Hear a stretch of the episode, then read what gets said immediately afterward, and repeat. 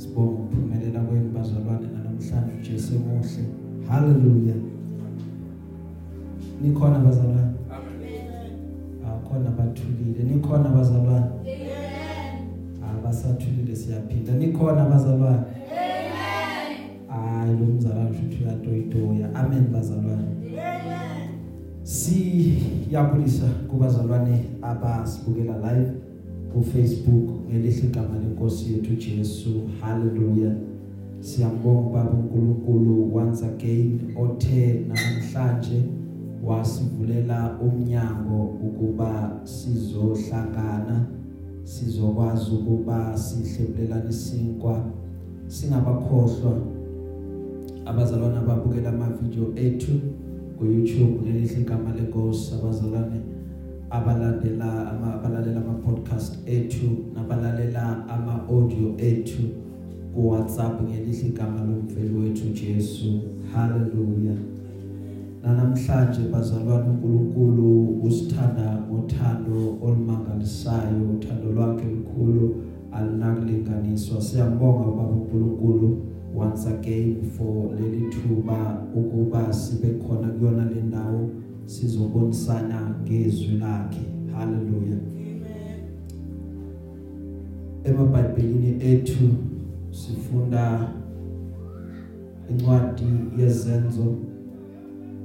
Sisafunda incwadi yezenzo isihloko nje sanamhlanje sithi sikhona kule ncwadi esobe siyifunda sithi to an unknown god. Hallelujah. kuNkulunkulu ongaziwa haleluya amen. uNkulunkulu owenze njani bazalwane? uNkulunkulu wenze njani?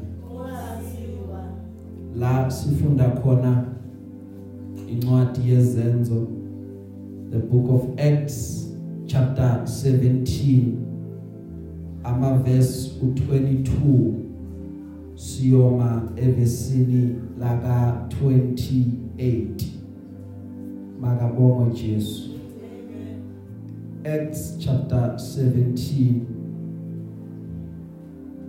verses 22 to verse 28 glory be to God. Amen. Elophethe bazalwane bese esikhonza.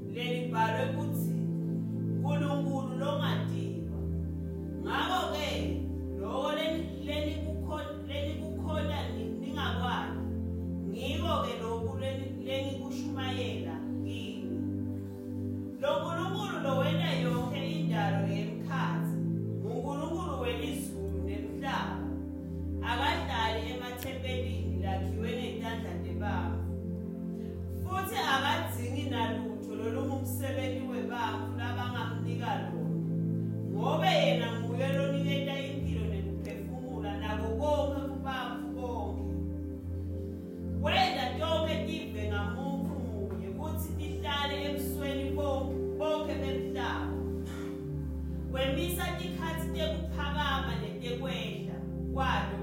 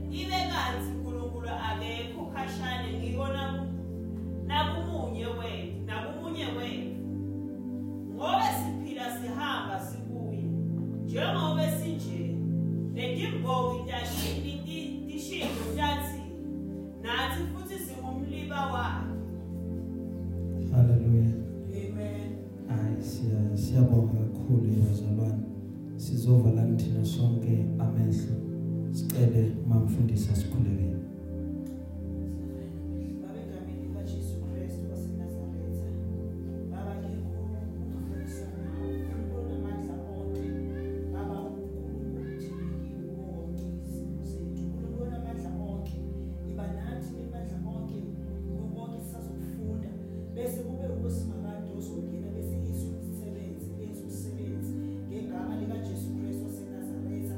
Ngoba lona alibuyele emuva ningakawenzi. Ngegama likaJesu Kristu waseNazaretha. Amen. siyabonga bazalwane haleluya la sifunda khona is a very interesting passage esithola ezwini lenkosi haleluya bazalwane uyabona uma siqala sikhuluma baye basifundise ku public speaking ukuthi indaba yakho kumele ukuthi ibe nesiqalo ibe nomzimba ibe nesiphetho. Hallelujah. Now a challenge that usually i would face each and every time when kumele ukuthi ngizopresenta izwi lenkosi ukuthi the challenge njalo engiyangiphonsele kumsizi eh wami moya ongcwele ukuthi uzungisize ukuthi ama message ngingayitholi ngiwaphinda haleluya uNkulunkulu bazalwane usiphe konke okusezwini lakhe. Kuyi challenge that i have kuyona kusona sonke lesikhathi esifushane enginaso sokuthi ngishumayele ngikhonze ibandla lakho ukuthi ngimcele moya ongcwele ukuthi inkosi ngiphe isinkwa semihla ngemihla njengalomkhuleko esihlala siukhuleka because lokho mina engudlayo njengomholi ikona kanye fanele ukuthi bese ngiyakuthatha ngikudlulisele kinina njengebandla. Haleluya ngoba kakade vele umshumayeli umfundisi uyaye abe ngumalusi. Umalusi oyaye abheka amadlelo ukuthi izimvu zakhe ziyodla kuphi bese abona ukuthi lokhu kudla kuyilungele yini izimvu ukuthi zingakudla. And understand futhi ukuthi most of the time umalusi akadli ukudla okufana naloku okudliwa izimvu. Hallelujah.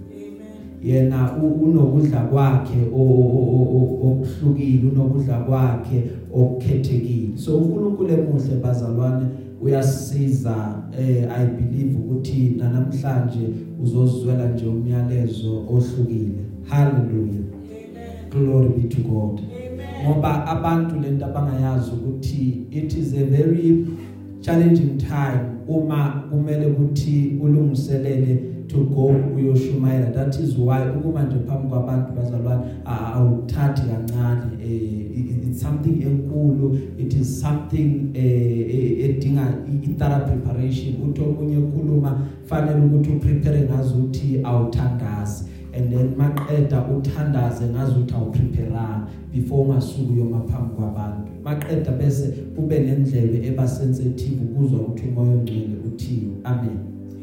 One of the frustrating things ongaba nazo as ungumshumayeli ukuthi kushaye iSaturday 12 pm ebusuku mawuthi uthi uyabheka uyaphenyisisa. Yabo iBhayibheli ukuthi likhulu kangakanani? Mawuthi uthi uyabheka nje ubona ukuthi ngazi ukuthi imessage yakusasa anginayo. Hallelujah. But uNkulunkulu emuhle bazalwane uyasisiza. We trust and we believe ukuthi namhlanje inkosi izosisiza. Makabonge Jesu. Hallelujah Amen. so lasifunda khona ke bazalwane uPauli use Athens now lithi ke iBhayibheli uyahamba hamba uma ehamba hamba kunezinto azi observayo kunezinto ayiqaphelayo kunezinto ayibonayo. Then uma ebona lezi zinto kufanele ukuthi aqale and address laba bantu in an intellectual sense because ivangeli yebazalwane linako lokuaddressa iintellectuality yomuntu. Kahle kahle lo osengene kahle evangelini abantu abangekho deep kangako evangelini uma besibuka baye bathi nazi ukuthi khona isipikiri esiqhumile khona into engathathi kahle because lezi zinto umuntu oseyini eh ubengeka kwazi ukuthi azenze because lo osezenza kuya understand ukuthi kunento emngene ngaphakathi. Now ukuze uriche inamba yabantu ukuze uriche abantu abathile kufanele ukuthi ulethe a way of reason so that bazokwazi ukuthi bayibone lento oyishoyo bayizwe lento oyishoyo maqeda bese bayakhona ukuthi bese bayayilandela lento bokade uyisho. Now in, in a nutshell that is umsebenzi owenziwa ivangeli hallelujah. Na uma uPaul e, e, ekhuluma nabo uthi laba bantu into abanayo bayabonakala ukuthi bahlakaniphile. So ngizokhuluma nabantu abarizinayo ngizokhuluma nabantu abafundayo ngizokhuluma nabantu aba-observant ababuka izinto. And mind you kufanele uqonde ukuthi umuntu noma engaba observant noma ayibuka izinto kukhona lento ezohamba hamba imshayo noma kukhona lento ezohamba hamba hamba imhlule now uthi uPaul uma ekhuluma nalabo bantu uthi madoda ase Athens kuyabonakala ukuthi nina ni very religious. Indlela e, e, eniphila ngayo usikompilo lwenu luyakhomba ukuthi ni abantu abakholwayo. Haleluya na ukukholwa ke bazalwane kuyahluka ngoba sikholelwa ezintweni eziningi ezihluka hlukene makabonga Jesu. Now i believe mina i i, I have a firm belief yokuthi umuntu njengesidalwa sakaNkuluNkulu angeke uze kwenzeke ukuthi aphile impilo aze ayofa ethuneni. Ingekho into akholelwa kuyona.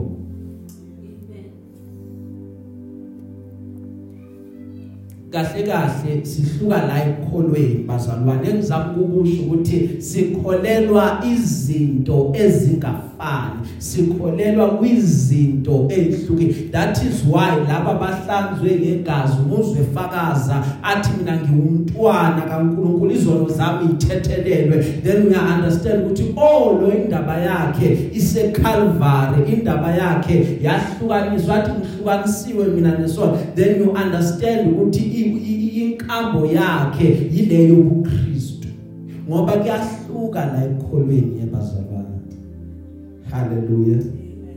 Amen. Now the the the challenge that which we we we have ukuthi umuntu afune ukuletha lokakholelwa kukona but angapackage ngendlela e, e, e right ezokwamukeleka. Hence abantu bastrugglisha ukuthi bayibone noma bayizwe lento umuntu ezanayo because of the way ipackage ngengakho that is why abanye abantu they would question ibelief yakho uma usuqala wenza ezinye zezinto ezihlukile noma eziphambana nalento eexpectwe kuwe ukuthi ngabe uyayenza njengomntwana kaNkulunkulu.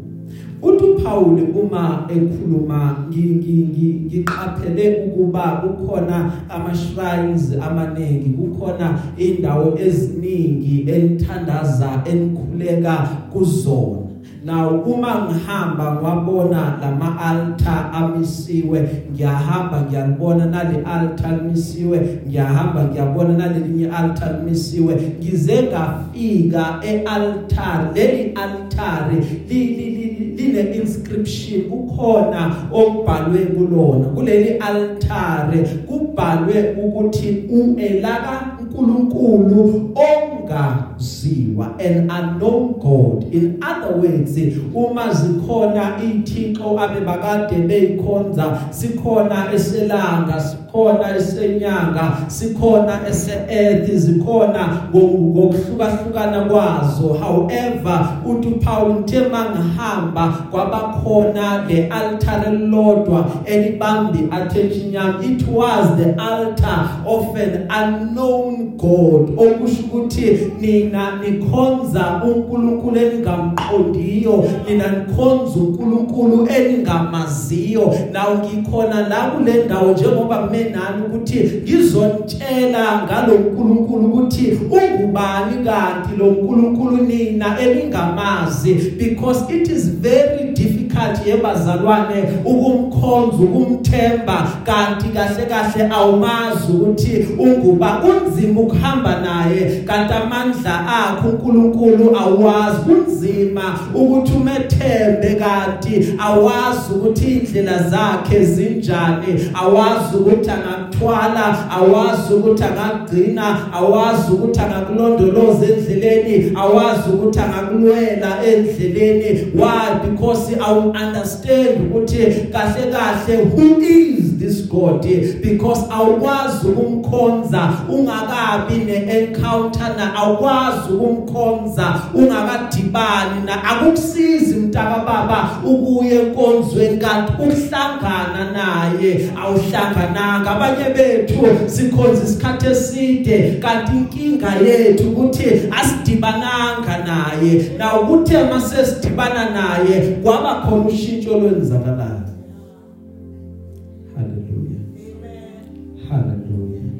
ake ngitshele nganayo indoda lithi iBhayibheli le ndoda ibikade ingafuni izinto eziningi le ndoda ibikade ifuna ukuthi ayibusiswe. Le ndoda ibikade nje ingafuni nje okunye ifuna nje ukuthi let me be blessed. And ibikade izwile ukuthi ukhona uNkulunkulu imazi uNkulunkulu but imazela kude. Yabona uNkulunkulu kaBaba ungamazi but umazele kude uthi ukhona lo ekukhulekwa kuyena but wena uma ungakamboni aba ngowakho uNkulunkulu kukhona la ungeke uzufike khona kukhona la ngeke uze usizakale khona.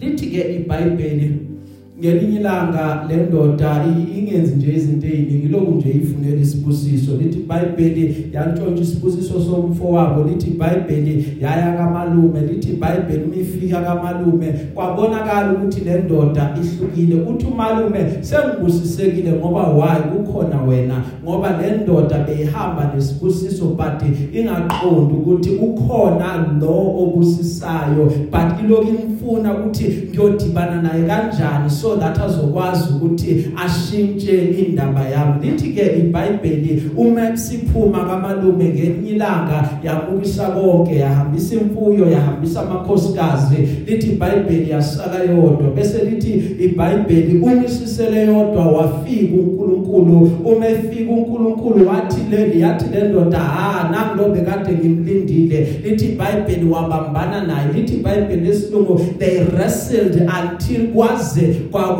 kwaba yi breaking of dawn. Lithi iBhayibheli uNkulunkulu esebona ukuthi sekuyasa wathi ngiyeke sekuyasa ngoba ngifuna ukubonakala. Ithi lithi iBhayibheli olifundayo yathi le ndoda angikwazi ukuyeka ungakangibusisi. Lithi iBhayibheli le uNkulunkulu wathi kuyena uma ngizokubusisa ngiqala ngitshele ungubani igama lakho. Wathi igama lami nginguJakobe. Lithi iBhayibheli wathi from today awusasiye Jakobe. Manje sewuba uIsrael sewushintsha igama ngoba vele uJakobe kusho ukuthi wena umkhohlise nawo namhlanje sengushintsha igama lithi iBhayibheli waqeda uNkulunkulu wamnyathela onyongeni. Uma uJakobe sevela ekseni engasabambene nale ndoda lithi iBhayibheli bese hamba eqhuka kwabonakala ukuthi sekune encounter yenzekile sekukhona lo abambene naye waji washintsha ukuhamba kwakhe Amen. an encounter bazalwane yenza ukuba sishintshe ukuhamba sishintshe ukwenza. Haleluya Amen. and abantu bazobona that kukhona osokushintshile lo muntu akasafani. Why engasafani? It is because this person has had an encounter with the Lord. Amen. Umthandazo wami uthi kwanga ungaba neencounter nenkosi uma ungakaze ube nayo. That is my prayer ukuthi inkosi izambule kuwena inkosi ibonakalise kuwena inkosi ikhombe amandla ayo inkosi ikwenzele izinto ungacabanga ukuthi zingenzeka so that you understand ukuthi isona sodwa isandla esikwazi ukwenza lezi zinto okuyisandla saka Jehova somuntu asikwazi ukuthi senze lezi zinto. Makabonga Jesu. Now uthi ke uPaul mekhuluma I want to tell you about lo nkulunkulu why? Because nami self I have had an encounter naye ngoba kunzima bazalwane ukumkhonza kanti awukadibani naye. Haleluya uzofana nomuntu obaphelezelayo laba bayenkonzweni kanti kukhona lokho kungakenzeki kukhona lokho efanele ukuthi kwenzeke. Kukhona la fanele kuvuleke khona. Kukhona la fanele ukuthi kuqhaqheke khona. Kukhona amaketanga efanele ukuthi maqeda ayaqhabuka so that uzokwazi ukubona ukuthi kumnandi kanjani ukuhlala enkosini kumnandi kanjani ukukhonza uNkulunkulu without reservation. Hallelujah. Now ke lithi iBhayibheli uthi uPaul uyena kanye lo nkulunkulu engifuna ukuntshela ngaye because now I understand ukuthi kahle kahle alimazi mina lo nkulunkulu but kuhle ukuthi uh, you give ref, re, reverence to him you honor him. Eh niyakwazi ukuthi nimkhonze ukuthi lo ungunkulunkulu ngoba abanye bazalwane bavele bamphike nje uNkulunkulu bathi akekho nje uNkulunkulu. Lithe iBhayibheli siqaphele kakhulukazi kule insuku zokugcina ngoba lithi iBhayibheli abanye baba nesimo sokumesaba uNkulunkulu kepha amandla wakhe baqede bawaphike. So we should be very careful in our generation ngoba baningi abazovela ucabanga ukuthi lo ngazuthi uyamsaba kanti he denies the power eh kaNkulunkulu ukuthi akhona futhi ayasebenza. That is why the very same Paul athi izwi lesiphambano kithina lingamandla kepha kulabo ababhubhayo lingubuwula because they don't understand the, power. Athanamahloni ngevangeli ngoba lingamandla kaNkulunkulu. Hallelujah. So once u understand ukuthi la sikhona sisendaweni yamandla kuzoshintsha ukubuka kwakho because uNkulunkulu unamandla yebazalwane amandla akhe awadinga ukuthi futhi uzomlekelela umncedisa akancediswa lo sambana hallelujah. Now lithi ke iBhayibheli uthi uPaul uma ebachazela uthi lo nkulunkulu engikhuluma ngaye udale konke because eh, abantu bane problem bazalwane they are moving away from umdali banaka okudaliweyo hence babuye bazophika amandla akhe. Lithi iBhayibheli uthi uPaul lo nkulunkulu engikhuluma ngaye udale konke ucreate umhlaba umhlaba ungekho konke wakwenza uyinkosi phezulu kwabona konke. Lithi iBhayibheli saqhamuka from one person one man maqeda loyo muntu wenza uNkulunkulu ukuthi agcwalise izizwe zomhlaba. Lithi iBhayibheli uNkulunkulu waphinde wamisa ikhathi wathi empilweni yomuntu khona isikhathi sokuphakama khona isikhathi sokwehla. Umuntu uzo understand ukuthi now this is my season. Okusho ukuthi uNkulunkulu uzokwazi ukuthi umuntu amthathe from one level amnikise kwe it is only God okwazi ukwenza lo kusho njalo uPaul uthi uyena uNkulunkulu engizokhuluma ngaye uyena lo onamandla. However sekubekhona iseparation however sekubekhona ukuhlukana thize. Umuntu manje sekanento yokuthi ngiyamfuna uNkulunkulu ake ngihambe ngiyomfuna uNkulunkulu. Lithi iBhayibheli uma likhuluma mfunene senokutholakala ngoba useduze kakhulu kulabo bambizayo the more umbiza is the more you become united with him because uNkulunkulu into ayifunayo uNkulunkulu into ayilangazelelayo ukuthi abe ne relationship nabantwana bakhe. uNkulunkulu ufuna ukuthi ube la eduze kwakhe ngoba even uIsrael uke wacabanga ukuthi angamtreat izwi kuNkulunkulu lithi iBhayibheli the time ehliselwa isinkwa the time ehliselwa imana. Lithi iBhayibheli abanye bayithatha imana yaba yiningi. Bayoyibeka bathi hayi ngakusasa vela saphumi. We have enough. Sesithathe ngokweviki ukuthi isiqhube iviki lonke. However uma bevuka ekuseni bathola le mana bayithathile seyibolile. But uma bephumela ngaphandle uNkulunkulu senza ukuthi isinkwa siqhathake from emafini. Ba understand ukuthi kahle kahle uNkulunkulu lo abamkhonzayo lo obakhipha ezweni lokugqila uNkulunkulu ofuna ukuthi ube nobudlelwane naye badeyi. Lingapheli la ungazanga kuye uzothi aba baba ungazanga kuye uzothi baba namhlanje siyabonga ukuthi usivusile. Namhlanje Nkosi siyabonga ukuthi umusa wakho usasanele. Glory be to God. So that ukwazi ukuthi umfuna bese uyamthola. Glory be to God. Amen. Wonke omfunayo bazalwane uyamthola. Let us push. Asiyeni ngamandla. Asondeleni ngespeed esihlalweni sobukhosi. Asifane naleya ndoda elithi iBhayibheli waphuma ecommand kwathiwa iyobulawa. Le ndoda yathi yacabanga ukuthi mangizobulawa ngifuna ukutholakala kwenye indawo. Yes amaphutha ngwenzile. Yes kunezinto ezirong ebekade ngizenza.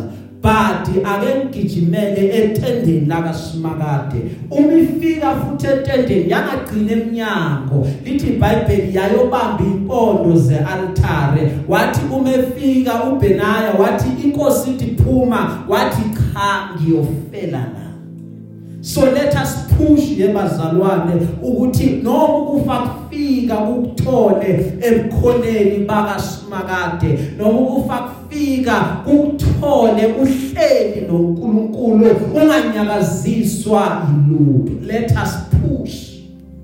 Ayikho into ezosibamba ayikho into ezosinqanda. Kuphela nje ithina esiyoyinqanda uma singayivumeli ukuthi asiphushele ebukhoneni benkosi ulifunde izwi ngazi ukuthi uyaqala ukhuleke ngazi ukuthi uyaqala ngazi ukuthi uyahamba kusasa then you will see God. Push.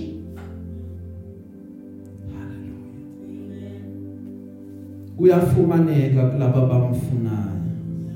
Uzokubona izinto obungacabanga ukuthi uzoyibona uma nje umfuna. Makabonge Jesu uthi uPaul siphila nje sihamba nje sikuye.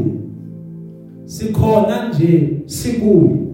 We live in him. We move in him. We have our being in him. Akekho ophilayo sho njalo izulu lenkosi oyiphilela yena. Wonke ophilayo philela inkosi haleluya I don't care whether bayaphika I don't care whether bavumi but okusalayo. Wonke ophilayo akwenzeki mntaka baba. Angaze ngawubona mina ngalo kuncwatshwe nje kuthiwa akuzuvulwa izwi angaze ngakubona. Because umuntu ungokaNkulunkulu haleluya uyokuzenzela umusa uma eyinkosi nomsindisi kweyakhe impilo. Haleluya glory be to God. Uyakubiza uNkulunkulu ufuna ukuthi ube nobudlelwane naye. Thatha uJesu uyeke konke okunye. Naka yena konke okunye kuyadlula. Into zalomhlaba bazalwane ziyadlula ziyaphela. But uma unoJesu unezinto zonke. Hallelujah. Uthi uthi uPaul in him we move in him we live in him we have our being. Akukho esikwenzayo singekho kuye aze athi umekhuluma even some of ama poets eh ababhala inkondlo babhala bathi thina siyinzalo yakhe we are his offspring. Even the poets at that time ba acknowledge ukuthi kahle kahle bantwana basekhaya siyinzalo yakaNkuluNkulu. Kahle kahle nje ukubani lo uNkulunkulu esinzalo yakhe understand ke ukuthi lo uNkulunkulu esinzalo yakhe nguyena ongomdala weinsuku nguyena owadala izulu wadala umhlaba nguyena owahamba nabantu wabanakekela wababonelela nguyena uNkulunkulu owathi izimo zingavumi izinto zingahlangani. uNkulunkulu wenza indlela yokuthi izinto ihlangane nguyena uNkulunkulu owavula ulwandle olubovu Israeli wahamba emhlabathini owomileyo. Nguyena uNkulunkulu waphinde wavala ulwandle nguyena uNkulunkulu owayehlisa isandla wayoqhaqha amasondo wenqola zempi kaFaro. Ukuze uMiriam akwazi ukuthi ahlabelele athi uJehova athi hlabelela kuJehova ngoba uphakeme ihashi nenkweli yalo simakade uphonso lwandle. Kuyena uNkulunkulu owenza izinto seyenzeki athi uSara na 90 maqedwe uSara conceive abamba ingane uSara. Kuyena uNkulunkulu owenza ukuba uSara hleke. Kuyena uNkulunkulu owaye owayesigodini samathambo wafika emathanjeni. Wathi zwani izwi lenkosi maqeda amathambo bese liyaphila. It is the very same god elithi iBhayibheli indodana yakhe yathi le ngesiphambanweni sekuthiwa kuphelile sekuthiwa ifile. The very same god uNkulunkulu wabuya wazomvusa. That is why uPaul athi ukuze ngimazi yena namandla ovuko lwakhe. It is the very same god okwazi ukuthi isimo sesi otherwise afika uNkulunkulu asiguqule it is the very same god othi usukhala iminyaka afike simakade azokulethela injabu it is the very same god ongavumi mntaka baba ukuthi ungene ohlazweni. It is the very same god osusa uhlazo lwakho phambi kwaba. It is the very same god othi abantu sebakhulumile baqeda bakwriter off. Abuye uNkulunkulu asokuphi igama elisha. It is the very same god athi uDavid othunta uthi impabanga ezaleni ayoyihlalisa namakhosi it is the very same god. Osithwalayo it is the very same god owenza ukuthi lokabatha kwenzeki yena bese kuyenzeka. It is the very same god. Osebakubalela insuku uyahamba nokusasa asilungisena amatshana siyoduduza it is the very same god bazalwane omvusayo umuntu aphakame from eguleni ebese ku hectic kumangala bo doctor ukuthi kanjani? The very same god. Haleluya singabakhe sinzalo yakhe. It is the very same god who never fails to take care of us.